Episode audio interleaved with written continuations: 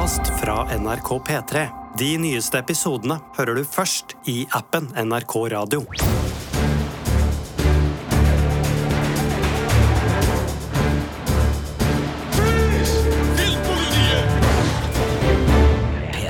Velkommen til Finnpolitiet med Sigurd Vik, Birger Vestmo og Ingvild Dybfest Dahl, hvor jeg drister meg til følgende påstand. Pedro Pascal er årets TV-pappa. Har jeg rett, Ingvild? Ja, jeg syns absolutt du har rett. I hvert fall som vi ser den i postapokalyptiske The Last of Us, som går på HBO Max nå. Har jeg rett, Birger? Vel, han gjør i hvert fall sitt beste som hjelmbærende farsfigur i The Mandalorian, som nå er i gang med sesong tre på Disney pluss. Og felles for de her to kvalitetsseriene er at eh, Pedro Pascal er en slags farsskikkelse for et barn som han eh, havner Eller en ungdom, da, skal være såpass uh, raus. Som han havner på en slags quest sammen med. Og det her er jo, i hvert fall sånn som jeg ser det, veldig bra TV. Og det er ikke utenkelig tenker jeg at Pedro Pascal ender opp med å kjempe mot seg sjøl når Emmy-prisene skal deles ut på starten av høsten, for jeg tror både The Mandalorian og The Last of Us vil konkurrere i flere av kategoriene. Kanskje begge i beste dramaserie. Kanskje må Pedro slåss mot seg sjøl i beste hovedrolle der også. Men i denne episoden så skal vi da snakke ganske så spoilerfritt om hvorfor vi liker de her to seriene, altså The Mandalorian og The Last of Us. Og så skal vi komme med noen tips til flere filmer og serier hvor vi har blitt begeistra av umakke par på oppdrag. Og vi starter da med den som har hatt premiere ganske så øh, ja, øh, denne uka, faktisk. The Mandalorian med sin sesong tre. Og Birger, hva går denne serien ut på, og, og hva er det med båndet minnet The Mandalorian har til Grogu, da, eller Baby Yoda, som den også er kjent som, som, som fenger oss sånn? Ja, The Mandalorian den er jo lagt til fem år etter Imperiets fall, som vi da så i den tredje Star Wars-filmen. Um, Jedi-ridderen vender tilbake fra 1983, som da var episode seks, uh, forvirrende nok for de som ikke har fulgt med hele denne Star Wars-sagaen. Uh, fem år etter det her så møter vi da altså Din Jarin, spilt av Pedro Pascal. Han er en bounty hunter, akkurat som Boba Fett er, og hva?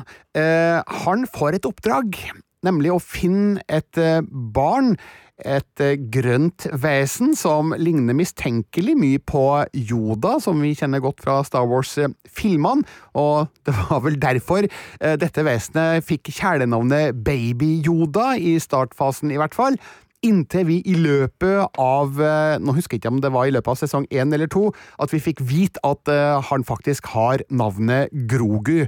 Og um, det er et fint navn, det, men jeg tenker fremdeles på han som baby Yoda, jeg må innrømme det. Altså, oppdraget går jo ut på å finne Grogu og ta han med tilbake til noen imperievennlige skikkelser, for ja da, det er liv og røre fremdeles i imperiet, men din ombestemmer seg. Han, eh, han tar rett og slett med seg Grogu, og eh, bestemmer seg for å eh, gi han tilbake til hans egne, og det bruker han jo da to innholdsrike sesonger på. Så det er sånn at deres veier skilles jo av da i slutten av sesong to, men i The Book of Boba Fett. Der får vi plutselig to episoder som stort sett er via til Dinjarin og hans videre eventyr, og der eh, settes det opp noen handlingstråder som er helt avgjørende for sesong tre av The Mandalorian. Så eh, Se for all del The Book of Boba Fett, spesielt episode fem og seks, hvis du vil henge med i The Mandalorian-historien.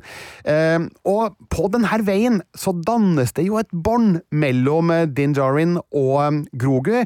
Eh, Din har vel ingen store farsinstinkter fra før, og dårlig med erfaring med barn, som vi vet i hvert fall, men eh, etter hvert så merker vi jo hvordan han får et stadig tettere bånd til Grogu, og vice versa. Grogu er jo et barn på mange måter. Han eh, oppfører seg sånn som en hvilken som helst tre-fireåring, gjør ting han ikke skal, er interessert i gjenstander han ikke egentlig skal ta tak i, spesielt da en, eh, jeg kaller det en girspakekule da, fra skipet til Din Jarvin Jeg vet ikke om han har en girspake der, men det er i hvert fall en rund kule som han er veldig, veldig fascinert av, og som eh, får en utrolig fin payoff eh, etter hvert. Eh, så det er et kjærlighetsbånd mellom de, så når de da skilles ad i slutten av sesong to, så brytes jo våre hjerter. De, de, de, gråter av smerte over at de ikke skal være sammen lenger. Og så er det jo da sånn at i The Book of Boba Fett så kan vi, kan vel si såpass at det blir en gjenforening der, slik at deres eventyr går videre i den nå påbegynte sesong tre av The Mandalorian. Og så er det jo et, en relasjon, og, og, og, vi skal holde det spoilerfritt her, men vi kan vel si at Baby Yoda, eller Grogu, da, er vel ikke helt uten evner. Så, så selv om det her er et actioneventyr, så er det ikke bare sånn at denne babyen nødvendigvis er noe som må passes på. Det er vel også muligens en sånn gjensidig hjelpe hverandre-bit her, som kanskje er med på å gjøre noe med, med relasjonen? Ja, for disse evnene du snakker om, er nok eh, tilknytta The Force. og Allerede i den andre episoden i sesong én så viser jo Baby Yoda noe av det han faktisk er i stand til å gjøre, men han er altså veldig ung og uferdig, vet ikke helt hva han skal bruke sine evner til, og det eh, byr jo på en del problemer eh, i de eventyrene de to har eh, sammen. Eh, og vi ser jo også i den første episoden av sesong tre at han er i ferd med å finne ut av sine evner og hva han egentlig kan bruke dem til, og det er jo et eh, vidunderlig morsomt aspekt da, ved The Mandalorian-sesongene. Men når vi nå står på, på, trappene av en ny sesong, altså sesong tre av den her, altså, hvor stor del av din øh, glede eller øh, magekribling for den nye sesongen er knytta nettopp til den kjernerelasjonen mellom øh, Mando og Grogu? Det er jo seriens hjerte. Eh, forholdet mellom de to er jo det som driver det emosjonelle fremover her. Eh, actiondelen av The Mandalorian er jo solid så det holder, med veldig mange oppfinnsomme scener og throwbacks til klassiske elementer fra Star Wars-filmene. Men det her nære forholdet mellom Din Jarin og Grogu er jo det som får oss til å føle noe. Og enhver film eller serie som får oss til å føle noe, har jo et enormt fortrinn eh, foran eh, de eh, seriene som ikke får oss til å føle noe. Altså, det er absolutt et veldig viktig aspekt ved The Mandalorian. Det er det personlige, det nære, det hjertelige, det varme som fins mellom Din Jarin og, og Grogu. Jeg er jo helt enig. Jeg har uh, allerede uh, Ja, det var litt kynisk av meg. Jeg kjøpte uh, litt merch da figuren enda ble omtalt som The Child, før Grogu-navnet kom inn, i et litt sånn spekulativt forsøk på å kanskje sitte og vente på at merkevareendringene skulle gjøre at de gamle lekene ble verdt mer, så der har dere meg, da. Men Ingvild, hvis vi, vi, tar tak i den andre serien som nå har gått noen uker, men som virkelig har, har tatt oss med storm, altså The Last of Us, som går på, på HBO Max, hvor da igjen Pedro Pascal spille en, en slags eh, farsfigur. Men eh, veldig kjapt, altså, hva er det den serien går ut på? Også her er jo imperiet i fare. Eh, imperiet er her jorda. Eh, og det er ikke en spoiler, for det vises allerede i introen at eh, her blir jorda tatt over av en soppspore som kontrollerer mennesker. Så flere har jo kalt det en zombieserie fordi menneskene fremstår som zombier da med når de er påvirket av denne soppen. Uh, og vi møter jo Pedro Pascals Joel Miller uh, flere år etter utbruddet, mens serien samtidig også uh, hopper fram og tilbake i tid for å, for å, gi oss masse bakhistorie og få oss til å skjønne mer hva som har skjedd der.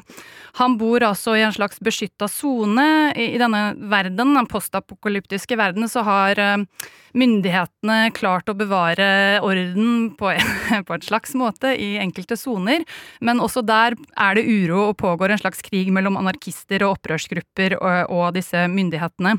Eh, og i denne uroen livet, lever Joel Miller, som gjør så godt han kan. Eh, det er ikke så veldig godt, da. Eh, og mm, vi skal jo ikke røpe for mye, men han kommer over Ellie, spilt av Bella Ramsey eh, som han veldig motvillig ender opp å ta med seg på en, eh, en slags eh, quest. Han skal levere Ellie over til noen andre. Han har ikke noe lyst til dette, men han trenger en vare, og han skal få denne varen i bytte for å gjøre denne jobben. Og så legger de to ut på et eventyr.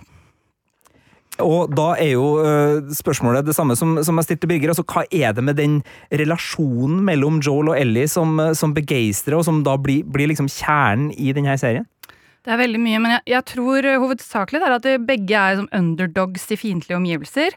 Og for å ta en liten spoiler, dette blir vist i episode én, så det er ikke kjempestor spoiler, men, eh, men Joel har altså mistet en datter eh, og er blitt veldig desillusjonert. Og han har gjort grusomme ting for å overleve. Akkurat hva vet vi ikke, vi vet bare at eh, han har noen liv på samvittigheten. Eh, og så møter han Ellie, da, som er en sånn eh, Hun er foreldreløs, ganske så tøff i trynet tenåring eh, når han møter henne. Eh, hun har absolutt ingen Viser ingen redsel. Hun er liksom veldig eh, Begge to er eh, ganske negative til hverandre. Hun kanskje litt varmere, mer interessert i å få til en prat. Han er null interessert i å få til en prat. Men det er den dynamikken mellom de to og øh, det der med at begge tror de ikke trenger noen, men, men samtidig lengter de etter nettopp det. Eh, og den dualiteten der syns jeg er veldig fin å se og følge med på. Eh, for de ender jo selvfølgelig med, og dette er heller ingen spoiler, men underveis så hjelper de hverandre litt begge to, da. Så det er noe med at begge tar feil, begge lærer noe. Det er en reise vi får lov å være med på. Og så er det jo ganske mye humør, til tross for å være en, en uh, serie satt til en uh, blek fremtid hvor ting er livsfarlig hele tida. Og, og, der er jo dad jokes, hvis man kan kalle dem det, altså litt tørre vitser, en, en sentral del. Uh, altså, hva, hva, tenker du om måten serien har klart å, å putte humør, da, kanskje mer enn humor, inn i, i den relasjonen? Å, det er kjempefint, for det er, noe, det er jo noe av det som gjør The Last of Us lett, samtidig som den har et veldig tungt tema.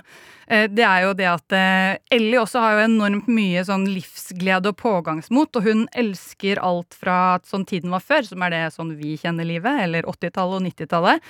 Eh, så det er noe med liksom bare gleden hennes når hun hører en låt, som vi også har hørt mange ganger før. Det er noe nostalgisk ved det. Og ikke minst så elsker hun utrolig dårlige vitser, og går rundt med en vitsebok som hun elsker å lese høyt for Joel. Og der, det er liksom, ja, det, jeg tror det derre med de lyse spirene da, av eh, munterhet og humor inni et ganske mørkt rammeverk, eh, er jo en viktig bit av hvorfor vi lar oss sjarmere av The Last of Us.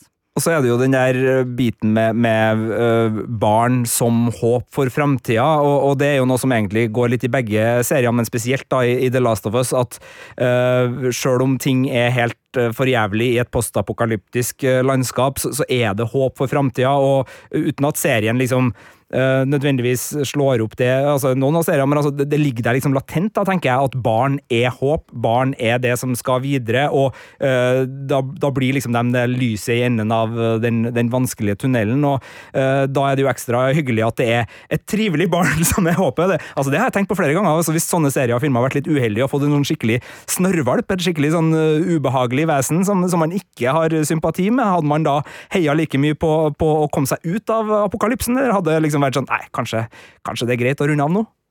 Ja, det, det, skal jo sies da at eh, Ellie er jo litt småufordragelig når vi møter henne, og det syns jo jeg er noe av det morsomme med reisen der. Det er det at hun starter som ufordragelig, men eh, så skjønner vi mer av henne underveis, og så blir det liksom rett og slett eh, ganske gøy å se på det.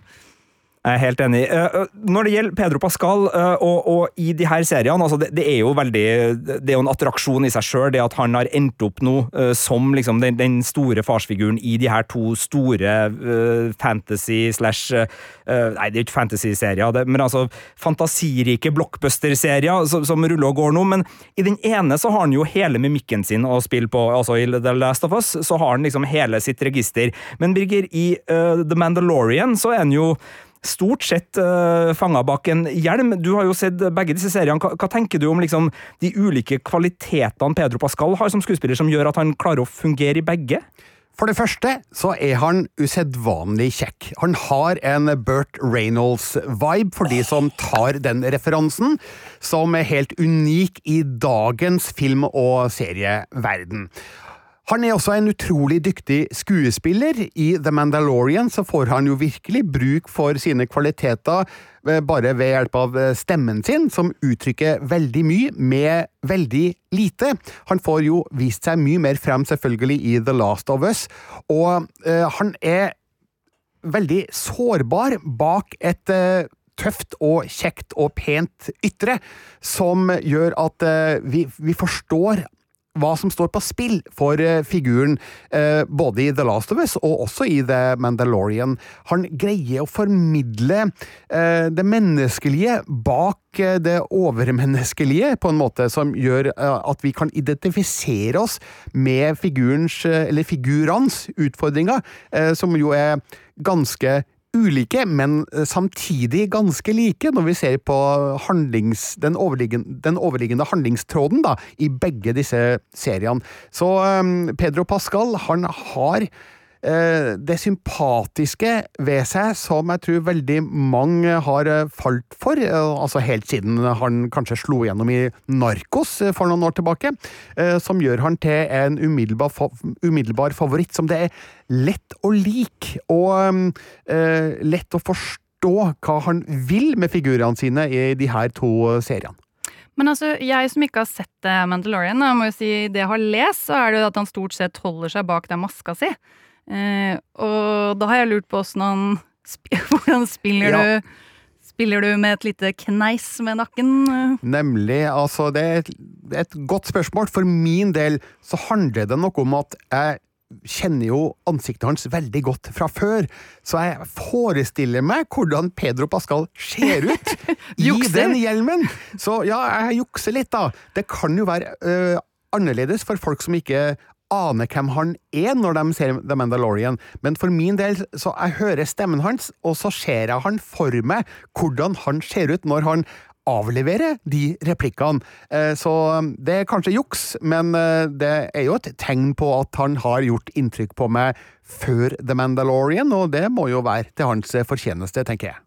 Han har jo en, en stemme som, som er veldig effektiv her. Og så er det jo noe med Altså, han har jo Du nevnte jo Narcos, det er jo en av de TV-signaturrollene han har. Og så skal vi jo ikke glemme Game of Thrones, hvor han spiller Oberyn Martell eh, i, i noen veldig minneverdige scener. Og der er han jo mye mer flamboyant og har jo en mye, mer, mye sånn større eh, Altså, Karisma har han jo lell, men altså, han, han er, har et nærvær som er sånn nesten ut av denne verden kult. da. Eh, og jeg merker jo at eh, det er jo litt sånn med, med stjerner, eh, enten det er Tom Cruise eller det er Angelina Jolie eller det er andre sånne som har holdt på så lenge at de har den auraen av de gamle, store, kjente rollene med seg inn i det. Og jeg tror nok nok noe av det spiller inn i Pedro Pascal, det at han øh, og, og det tror jeg også kan være litt av årsaken til at han funker så godt i de to rollene her parallelt Også, at, at de mater inn i hverandre. altså At det blir litt av Joel inn i Mando, det blir litt av Mando inn i Joel, ikke i de respektive serieuniversene hver for seg. Og jeg tror ikke vi får en crossover-episode. Jeg tror ikke vi får en crossover-episode, men, øh, men, men altså, det, det er noe med, med måten liksom Summen av Pedro Pascals roller øh, gjør det. Og så har han jo spilt skurk en del ganger, og det, det gjør jo også at vi tror kanskje på de farlige kantene. altså han, Som du var inne på, Ingvild, uten at vi skal spoile noe, altså han har jo gjort ting i øh, The Last of Us øh, som, som ikke nødvendigvis vil stå på CV-en til noen som søker jobb i, i uh, Good-Hearted Jeg vil inn i himmelen Incorporated. Og også mm, The Mandalorian er jo en ganske brutal type når det trengs, og, og det at Pedro Pascal også såpass uanstrengt kan spille skurk, uh, som han har gjort i Wonder Woman-film nummer to. Han gjorde vel i uh, en Uh, å, nå sto det stilt på, på Pedro Pascal-fronten, men altså, sånn, han har det i, i skapet sitt, da, for å si det på, på godt norsk, så, så jeg tenker jo at det å er med på å, å mate inn i, i hvordan vi opplever han, og, og skape de um, eh, altså, Det er jo noe med, med rollefigurer og, og de ulike på en måte konfliktaksene de har, sånn at de blir interessante fordi det er motsetninger i dem. og Jeg syns Pedro Pascal bringer veldig mange eh, motsetninger bare ved å komme sjøl til, til bordet. Ja, jeg tror du er inne på noe med det der at vi tror på at han har et mørke i seg. Eh, og så bruker han jo det mørket ulikt i de ulike rollene. Men og så er det også noe med at han slo i, eller hadde sitt store gjennombrudd, da kan vi si først i godt voksen alder. Så han fremstår som både litt sånn rufsete og trygg samtidig. Det tror jeg hjelper veldig den type roller. Han spilte jo faktisk både skurk og motvillig farsfigur samtidig i en sånn liten uavhengig sci-fi-film Prospect fra 2018, som jeg eh, tjuvkikka på i går. Så han eh, har virkelig naila det her. Og det er jo litt gøy at også medskaper av The Mandalorian, John Favreau, har, eh, han er jo fan av The Last of Us, og har blitt selvfølgelig spurt om dette her og vært sånn Ja, det er jo litt gøy at Pedro kuppet alle sånne farsfigurroller på markedet. Han mener jo likevel at disse er ganske ulike, men, men, uansett, det er jo et faktum vi ikke kan komme unna. Eh, og det er, folk har lagt merke til det i den grad at det faktisk Jeg tok et lite Google-søk, og eh, det selges faktisk T-skjorte med påskriften 'Can Pedro Pascal be my badass father, father figure too?' Så jeg vil også ha han som badass adoptive father figure. Jeg er spent på, Hvor, hvor tror vi det her kan ende for Pedro Pascal? Altså, Hvilke roller er det han kommer til å ende opp med i Hollywood hvis det her toget fortsetter? Altså, Han er jo på sitt største nå. 24 år etter at han, eh, så vidt jeg vet, debuterte i Buffy the Vampire Slayer. Ja, ja, ja. Så eh, det er jo virkelig eh, unikt at man når toppen etter så lang fartstid. Men eh, klart, nå kan han ri på denne bølgen i noen år, men det er nok muligens ikke farsfigur for et ungt menneske på reise han bør satse på i senere serier eller filmer, men kanskje utforske andre muligheter som han har mulighet til å matche da, med sine kvaliteter som skuespiller. Men han er en het potet akkurat nå, og det håper jeg at han tar godt vare på, for det er en mulighet som kanskje ikke kommer tilbake. Nei.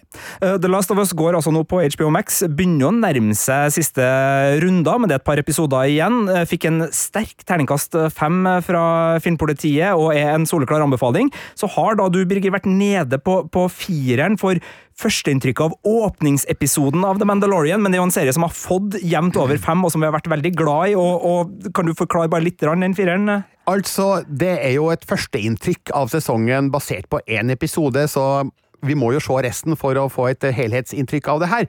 Men eh, jeg syns at den første episoden, den fortalt fortalte en uh, litt sånn ullen historie som ikke la opp til et stort mål i den andre enden, så vidt jeg kan se, da. Altså, vi skjønner jo at um, Din Djarin han må tilbake til planeten Mandalore for å vaske seg i det levende vannet i uh, gruvene ja, ja, under Han, har et oppdrag, ja. ja, han har et oppdrag, ja. Men, men um, det ble litt mer av det samme som vi har sett i de to første sesongene, uten å gi oss så veldig mye mer. Så jeg, ble sjarmert og underholdt, men uh, nysgjerrigheten ble ikke pirra helt nok, føler, føler jeg da, sjøl om jeg selvfølgelig tar høyde for at det her var bare en forsmak da på sesongen. Ja, og, og jeg tørs da uh, å gå ut Jeg har jo allerede gått ut hardt i denne episoden her og sagt at Pedro Pascal er årets TV-pappa. Jeg, jeg tørs å si at uh, The Mandalorian sesong tre virker å, å, å, fortsette den gode historien. Så basert på at jeg elska sesong én og to såpass mye, så, så, så får den et Filmpolitiet-stempel på uh, Den skal vi se, Birger! Ja, men det skriver jeg jo også i førsteinntrykkartikkelen min, at uh, det her blir verdt å følge med på. Det er sanne ord. Eh, vi skal innom litt eh, flere tips, for det er jo ikke sånn at Pedro Pascal fant opp det her eh, på film eller serie. Det er jo flere andre gode skuespillere som, om de ikke nødvendigvis har vært farsfigur, så har de i hvert fall vært en, en, en lederskikkelse i et umake par, som, som, er litt interessant når de drar på eventyr. Og Vi skal komme med noen tips nå, men før vi, vi, setter i gang med det, så har vi jo en liten avstemning som, som foregår i appen NRK Radio der stiller vi i denne episoden spørsmålet Blir du emosjonelt utmatta av å se The Last of Us? Så hvis du har lyst til å hjelpe oss eh, med, med svar på det spørsmålet, gå gjerne inn i appen NRK Radio og delta i den avstemninga. Altså, blir du emosjonelt utmatta av å se The Last of Us? Eh, ta en liten runde rundt eh, bordet her. Ingvild, hva er ditt svar på det? Ja, det avhenger veldig av episodene. noen episoder blir jeg helt utmatta, og andre kan jeg gjerne bare sluke seks episoder til. Birger? Nei, egentlig ikke. Jeg er jo en kald fisk, som eh, faste lyttere av Filmpolitiet vet, så sjøl om ting berører meg og beveger meg, og spesielt den episode nummer tre, det var jo litt av en episode, eh, så kan jeg ikke si at jeg blir utmatta, men eh, underholdt, det blir jeg både i positiv og ja, negativ forstand, og da mener jeg ikke negativ som at det er dårlig, men at det er jo ting her som er vanskelig å se på, det er det ingen tvil om. Ja, jeg, tror jeg, jeg, tror jeg sier ja, også, for jeg har kjent det, spesielt i, i siste episode som gikk nå. Jeg, jeg, kjente at den serien her, den, den krever noe helt annet av meg. Uh, det er litt som en liten sånn god treningsøkt å, å se en episode The Last of Us og føle liksom at kroppen har vært både framoverlent og tilbakelent og i høyspenning og avslappa, og den har flira, og den har vært Ja, nå syns jeg også serien begynner å bli litt skummel. Det, det er jeg litt uh, spent på, men, ja. men uh, sånn skal det jo være. Men det er, en, det er en serie, altså. Jeg blir som regel ikke emosjonelt berørt av en serie i samme forstand som en film, og det har med TV-seriens eh, fortellerstruktur å gjøre, eh, som eh, gjør at du, du forventer en spenningstopp og en emosjonell topp der og der og der, og der, og så får du det litt sånn oppskriftsmessig. Så um, det er kanskje et, et, sånn arbeidsuhell uh, da, gjennom flere år, eller jeg har pådratt meg en arbeidsskade da, uh, ved å, å se litt igjennom denne strukturen som mange av TV-seriene må benytte seg av for å holde historien i gang da, for stadig nye seere. Uh, men uh, The Last of Us gjør det langt bedre og mindre åpenbart da, enn mange andre serier jeg har sett på. Ja, for det må jeg jo si en av mine favorittelementer med The Last of Us, er jo at episodene er så ulike, og ulike i tempo, oppbygning og hva de velger å fokusere på i, i, i fortellingen. Så sånn sett så ser jo jeg på episode tre for eksempel som en slags film i serien. og også den siste episode syv, eh, den eh, dro hardt i hjerterøttene mine tror vi må sette pulsmåler på Birger for å se om han snakker sant. Han driver jo og omtaler seg sjøl som en kald fisk, men uh, hvem vet hva som egentlig foregår i tårekanaler og på hjerterytmen til Birger Vestmo, både i kinosetet og på sofaen. Ja, ja. Uh, time will show, som det heter i norsk film. Men vi skal komme med noen tips til andre sånne umake parrelasjoner som har begeistra oss. Og Ingvild, du skal få start, og, og da starter vi med, med serie, og en ganske kjent HBO-serie, gjør ikke vi det? Ja, jeg holder meg bare der. Nei da. Men eh, det var noe av det første som slo meg. For en av mine favorittkarakterer, da, eller rollefigurer opp igjennom, er Aria Stark. Og en av kombinasjonene som jeg syns var mest fascinerende å følge med på gjennom Game of Thrones, var den hun hadde med The Hound, eller Sander Clegane, som han også var kjent som en gang i tiden. Eh, og dette forholdet er jo absolutt, hvis vi skal snakke om et giftig forhold eller et dårlig destruktivt eh, duo, så har vi det der. Men det var vel derfor jeg syns det var så fascinerende, da. Det var jo to eh, veldig nedbrutte mennesker som på et eller annet vis skulle gå samme vei. Eh, det var vel strengt tatt han som kidnappa Arja, hvis jeg husker rett. Eh, og begge besatt av hevn. Begge ganske så opptatt av vold, eller Arja begynte vel å miste en del eh, samvittighet rundt eller før den tiden. Eh, så den reisen de to la ut på, litt dynket i blod og hevntanker, eh, det Jeg kan jo ikke si det var oppbyggelig, men eh, det var i hvert fall veldig fascinerende å se på.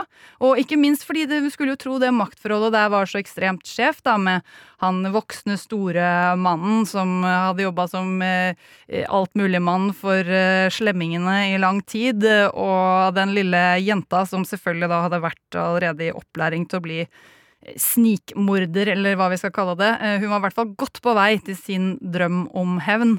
Eh, men vi kan også si at det eskalerte litt, vel, etter at hun eh, hadde en liten rundtur med The Hound. Jeg må jo si jeg skjemtes over å ikke ta den her uh, først. Jeg kom ikke på den engang før du nevnte den uh, noe uh, før sending, at det var den du skulle ha, for det er jo den opplagte, og kanskje en av de aller beste. Og det er jo som du sier, Den har jo mange likhetstrekk med de to relasjonene vi har hylla Pedro Pascal for her i denne podkasten. Ingvild, du skal få en liten bonus til, fordi du hadde en film òg som du gjerne ville ha med her. Ja, eh, den eh, Tanke nummer to gikk til en film som heter Leon, som noen kanskje husker, fra 1994. Det er en Luc Besson-film, men den er med engelsktalende, da. Og i den så spiller altså Jean eh, Renault Leon, som er en leiemorder. Og det var Natalie Portmans debut på filmlerretet. Hun spiller en tolvårig Matilda. Måten de møtes på, er at en for, ja, skal jo også sies at Mathilde hadde en forferdelig familie. Eh, men denne familien blir altså drept av eh, noen, noen korrupte egentlig politifolk. Og ender opp med å reddes på et vis av han Leon. Og så vil hun gå i Hun har lyst til å bli leiemorder, som hvem, hvilken tolvåring har ikke lyst til det? Og klarer å tigge seg til at han starter å lære henne opp. Og det er dette De er virkelig et sånn unlikely pair, da. Det er jo ingen som ser at de to der skal havne sammen. Eh, og der er det også det her med hvordan eh, han er veldig motvillig, hun prøver å vinne han over. De tilfører hverandre ting de har mangla i livet, begge to, selv om de absolutt på ingen måte er bra for hverandre, noen av de to. Eh, men de klarer å få det her til å bli varmt og søtt. Eh, nok en gang oppi all blodsprutene som jeg tydeligvis eh, liker å ha rundt alle parene jeg liker. Og uh, Leon den kan du se både på Netflix, på Viaplay, på TV2 Play og Prime Video. Uh, og Game of Thrones selvfølgelig på HBO Max. Uh, Birger Vestmo, du er nestemann ut på denne lista. Hvilken ja, Da gjetter jeg film. har du valgt ut? ja, det er snakk om en film.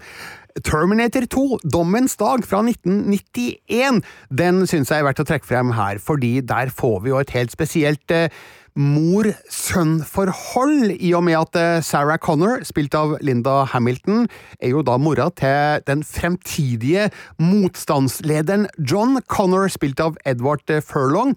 Og i tillegg så får vi jo med Arnold Schwarzenegger her, som uh, The Terminator himself, altså T800, som er eh, serienummeret hans, eller modellkoden hans.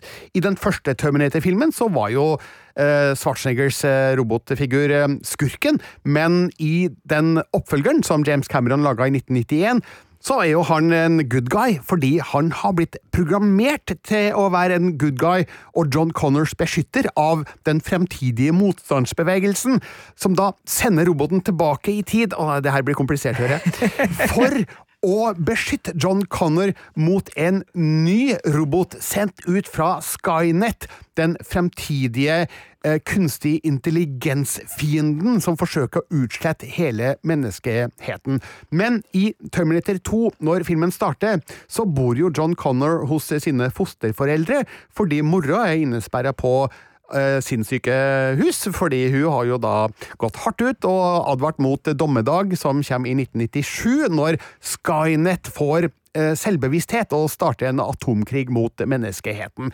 Men så eh, føres jo de to sammen igjen, og her er det mye interessant som foregår, fordi John Connor er jo litt sår over å ha blitt etterlatt hos en fosterfamilie av sin mor, og mora, når hun eh, slipper ut av dette sinnssykehuset, hun har jo et morsinstinkt, men et litt hardere ett enn det mødre flest har, for hun eh, blir jo besatt av å forberede John Connor på den forestående dommedagen eh, og hans fremtidige posisjon som motstandsleder. Eh, så hun er veldig tøff og hard.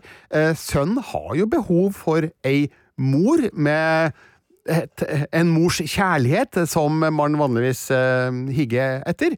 Uh, så der ligger det en spenning i forholdet mellom Sarah og John som gjør den videre historien veldig interessant. Og på toppen av det så blir jo Arnold Schwarzeneggers T800-robot en slags farsfigur for John Connor. Eh, faren hans er ikke inne i bildet av veldig gode grunner, som eh, de som har sett filmene eh, vet, men han har en læringschip oppe i hodet sitt, denne T800, som gjør at han gradvis tilegner seg nye måter å tilnærme seg John Connor på, og bli en slags far på et ganske skrudd og absurd, men morsomt vis. Så Terminator 2, Dommens dag, først og fremst en heidundrende action-sci-fi-film, men eh, bak alt det fantastiske ytre, så er det en indre kjerne som formidler noe ekte om forholdet mellom eh, mødre og sønner, og også fedre og sønner. Ja, og du får også Guns N' Roses sin hit You Could Be Mine på kjøpet hvis du setter deg ned og ser uh, Terminator 2. Men Birger, jeg må bare berømme deg. altså Det her er et kjempegodt eksempel. og du har jo, Det er jo den der trippelen som du snakker om, altså at du både har uh, den morsfiguren og farsfiguren da, uh, som, som, spiller inn her fra hver sin side, og som gjør at den her Ja, det, det, den er dobbeltdekt, Terminator 2. Ja, nemlig. Hvem vil ikke ha en farsrobot? Ja, hvem vil ikke ha en drapsrobot til far? Hva det du spurte om? Nei, en farsrobot. ja, nei, nå skal jeg være forsiktig. det er mulig mulig farsan hører på det her. Veldig glad i deg, pappa. Uh, og også deg, uh, mamma. Uh, det er fint. Men du også, Birger, er, er, grådig. Jeg skal bare si at Terminator 2 den ligger både på Prime Video og Viaplay, selv om du syns vel ikke er det her en film som skal strømmes, egentlig, Birger? nei, man skal helst se den på ja, Det her er også et komplisert spørsmål. Man skal helst se den på Blu-ray.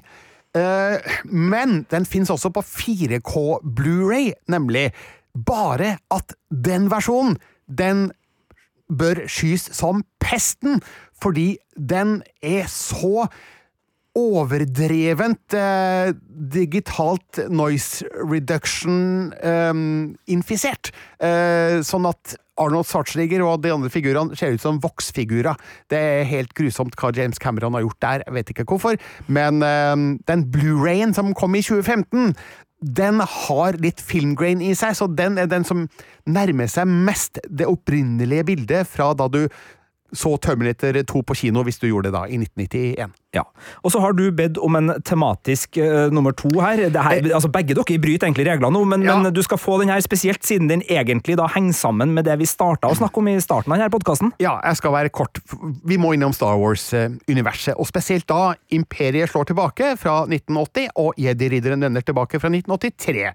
For i Imperiet slår tilbake, der får vi jo sjokkscena som avslører at eh, Darth Vader, spilt av eh, David Ah. Prose, eh, med James Earl Jones sin stemme, og er da faren til Luke Skywalker, spilt av Mark Hamill. Burde kanskje slå på en spoiler-alert her, men de fleste har vel sett disse filmene nå.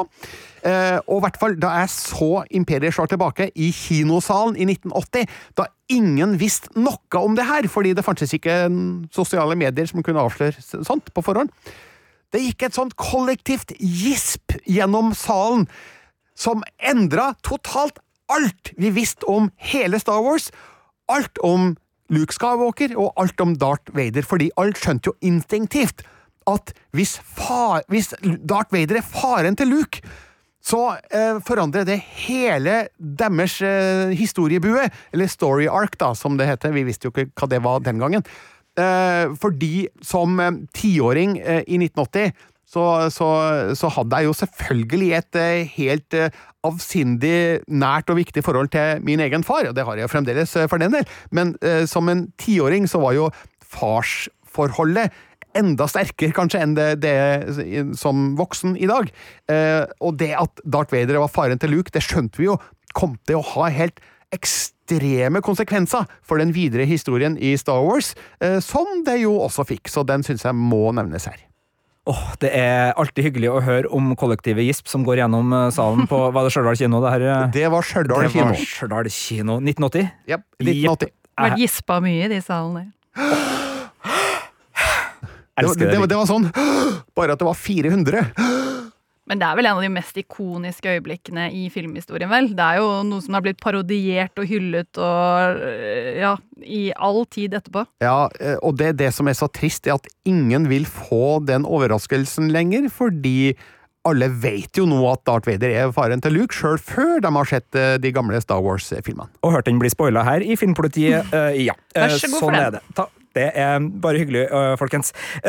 Det er sånn at Disney Pluss har Star Wars-filmene, for dem som er på den strømmetjenesten. Der syns jeg 4K-versjonene er gode, Birger, så der kan man vel anbefale også fysisk format. De er faktisk veldig godt eh, lansert eller presentert på 4K Blu-ray.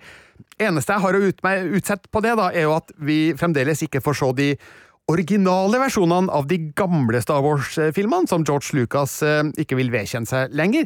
Vi får bare spesialutgavene som er flikka kraftig på, både når det gjelder effekter og, og lyd. Ja, Heldigvis så har både jeg og du dem på laserdisk, disse originalversjonene. Det Birger. Så, har så vi vi, faktisk. eh, vi er klar for uh, apokalypsen. Laserdisk, altså! Så gamle gamle er jeg vi! har det meste på VHS. Oh, ja. Uh, det er godt. Men den siste filmen, og jeg har ikke tenkt å, å doble sånn som dere, jeg har tenkt å ta med én, og den kom til meg i går da jeg endte opp med å, å se den. Det er The Sixth Sense. M. Night Shyamalans film fra 1999 med Bruce Willis og uh, Harley Joel Osment i hovedrollene. Uh, og det er jo en film som jeg ikke jeg tror ikke jeg tør å spoile den her i Filmpolitiets podkast, sjøl om det har gått over 20 år, fordi den er eh, best hvis du ikke vet eh, så mye om den, men eh, relasjonen er da mellom Malcolm, som er en barnepsykolog, som da spilles av Bruce Willis, og Cole, som da spilles av Holly Joel Osment, som er et barn som er veldig redd og engstelig, og det er fordi han ser Dead people. Han ser spøkelser. Og det er jo ikke noe du kan si, eh, og så tror folk det. Så det her er jo et problem. Han er jo veldig var på å ikke eh, fortelle folk om det her, men samtidig så merker jo både mora, da, for han bor sammen med henne, faren har flytta fra dem og, og reist til en annen by, eh, lærerne, medelever, merker jo at det er noe med, med Cole som gjør at han er øh, utsatt. Og så har da uh, Malcolms uh, fortid som barnepsykolog også et lignende tilfelle som ikke gikk så bra. Så Malcolm er veldig opptatt av å klare å prøve å hjelpe uh, Cole gjennom det her. Så det blir da en slags sånn psykologisk thriller slash etterforskningsfilm hvor Coles problemer blir noe som Malcolm da prøver å bidra med, med da feilene han gjorde forrige gang, som, som skrekk og advarsler, og, og, og er det da i tynn linje. Men, men, relasjonen mellom de to, hvor barnepsykologen da prøver med tillitsøvelser og bruker liksom pensum nesten for å prøve å komme seg inn til Cole, samtidig som denne smarte kiden gjennomskuer mye av det, men allikevel oppleve den oppriktigheten som kommer fra Malcolm. Altså Det er noen sterke bånd der, og så er det filmkunst av M. Night Shyamalan. Han er en regissør som ofte får litt på pukkelen, fordi han er veldig glad i å lage filmer som har um, hva skal man si, plottvria og, og, sånne konsept som er litt ja, skal vi si far out, Birger? Ja, det kan vi godt si. Ja, og det er jo muligens også tilfellet her, men måten han bruker kameraet på for å fortelle denne historien Jeg ble sittende i går og bare Ja, det er en film fra 1999, men du verden, den har holdt seg godt, syns jeg. Den er drivende godt fortalt med kamera som, som penn. Ja, en stund siden jeg har sett den nå, føler jeg, men jeg husker at det er en del sekvenser i Den sjette sansen, som den heter på norsk, som virkelig skremmer meg den dag i dag.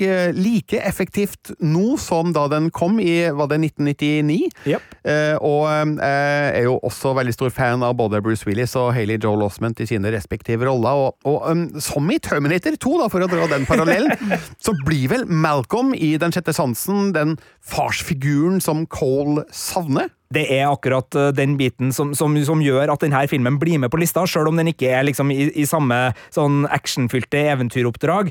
Det, det, det er en, en mer en sånn etterforskningsthriller, farsfigur-runde uh, her, men du har helt rett, han blir det. Og det er også et, et viktig element i plottet, så, så, det bakes inn veldig fornuftig, og, og savnet etter far for unge Cole er jo en, en, vesentlig del, i hvert fall i det uh, Malcolm antar er de underliggende årsakene til disse spøkelsene som, som kanskje er der. Og så uh, er det jo som ofte i M. Night Shyamalan sine filmer, at det overnaturlige er kanskje ikke helt utelukka alltid hver eneste gang. Men mer spoiling om Den sjette sansen får du altså ikke her i Filmpolitiet. Du får bare et tips om å se den. Den ligger både på Viaplay, TV2 Play og Prime Video, og kan sikkert også skaffes på fysisk format. Jeg så den på TV2 Play i går. Det gikk helt fint, altså, selv om den eh, fortjener jo å bli sett i så best mulig stand som, som det er mulig. Men det var altså tipsene, eh, i tillegg til de to hovedseriene vi snakka om her, altså The Mandalorian, som nå er i gang med sin sesong tre på Disney Pluss, og The Last of Us, som ruller og går, eh, begynner å nærme seg eh, slutten på sesong én på HBO Max, og så var det da eh, Game of Thrones, Leon, Terminator 2, Star Wars, Imperiet slår tilbake og The Sixth Sense, som var tipsene du fikk til slutt. Og så kan vel jeg og du, Birger, avsløre at dem som vil ha veldig mange spoilere om denne sesongåpninga i The Mandalorian sesong 3, så kan det hende at det er noe som heter Mondo Monday på mandag, altså en uh, ny episode i vår Mandalorian-spesial, hvor vi skal skravle oss godt gjennom den sesonginnledninga. Det er helt korrekt. Her er det altså om å gjøre å se den første episoden på Disney pluss først, og så hør vår Mando Monday-episode, som da slippes på mandag, eh, som du sier. De klokeste ord. Tusen takk, Ingvild Dybfest Dahl. Tusen takk, Birger Vestmo. Mitt navn var Sigurd Vik. Du har hørt på Filmpolitiet. Vi snakkes igjen neste uke podkast fra NRK P3. Kladden har daua. Jeg har dødsangst, og mitt navn er Martin Lepperød.